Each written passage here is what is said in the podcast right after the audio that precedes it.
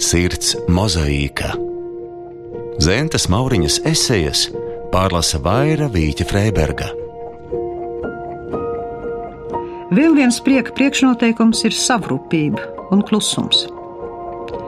Cilvēks dzīvojot barā, neviņš aiz pašu uzturēšanās ziņas pielāgojas baram. Dvēseles dziļuma dimensija paseklinās, personīgā iniciatīva apsīkst.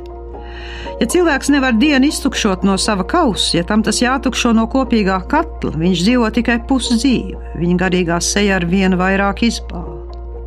Ja cilvēkam ar kādu cilvēku arī ar vissimpātiskāko, vai Dievs nedod ar vairākiem cilvēkiem nepārtraukti jābūt kopā, viņa domas atrofējas, jutekļi notruļinās, sapņi nonīkst. Viņa ilgas viņa vairs nepazīst, viņš gan vēl spējīgs piedalīties izpriecās, bet prieka putnas šausmās no viņa aizbēga. Viņš pazīst laika kavēkļus, bet ne laika piepildījumu.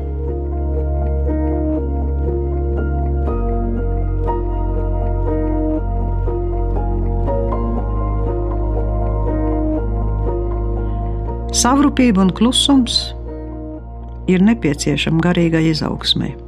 Tas ir tāds kardināls likums, ko tieši vai netieši, uzsvērti vai mazāk uzsvērti, atzīst visas pasaules lielās reliģijas, un arī ļoti daudzas tās augtās primitīvās reliģijas. Ziemeļamerikas iedzimto ciltīm daudziem sevišķi lielo tā saucamo klajumu cilšu locekļiem, lai jauns vīrietis varētu pievienoties pieaugušo saimei, viņam bija jāiet kaut kur tuksnesī, kaut kur vientulībā un jāmeklē sava vīzija, par savus, savus dzīves sūtību, par to arī dažreiz savs slepenais vārds jāmeklē un kaut kas tam līdzīgs. Un tās bija tādas sabiedrības, kurās, protams, cilvēki dzīvo ļoti saspiesti un nemitīgi viens ar otru kopā.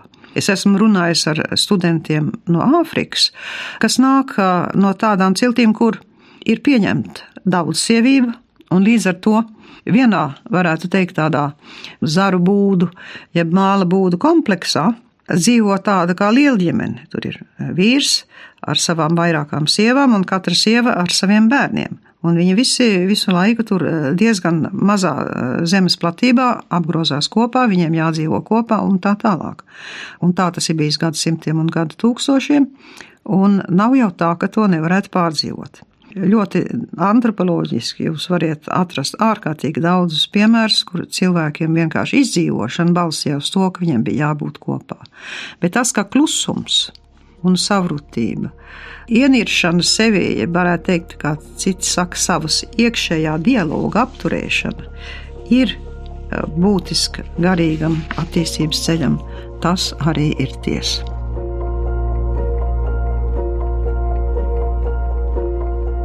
Zentas Mauriņas esejas pārlasa Vaira Vīķa Freiberga.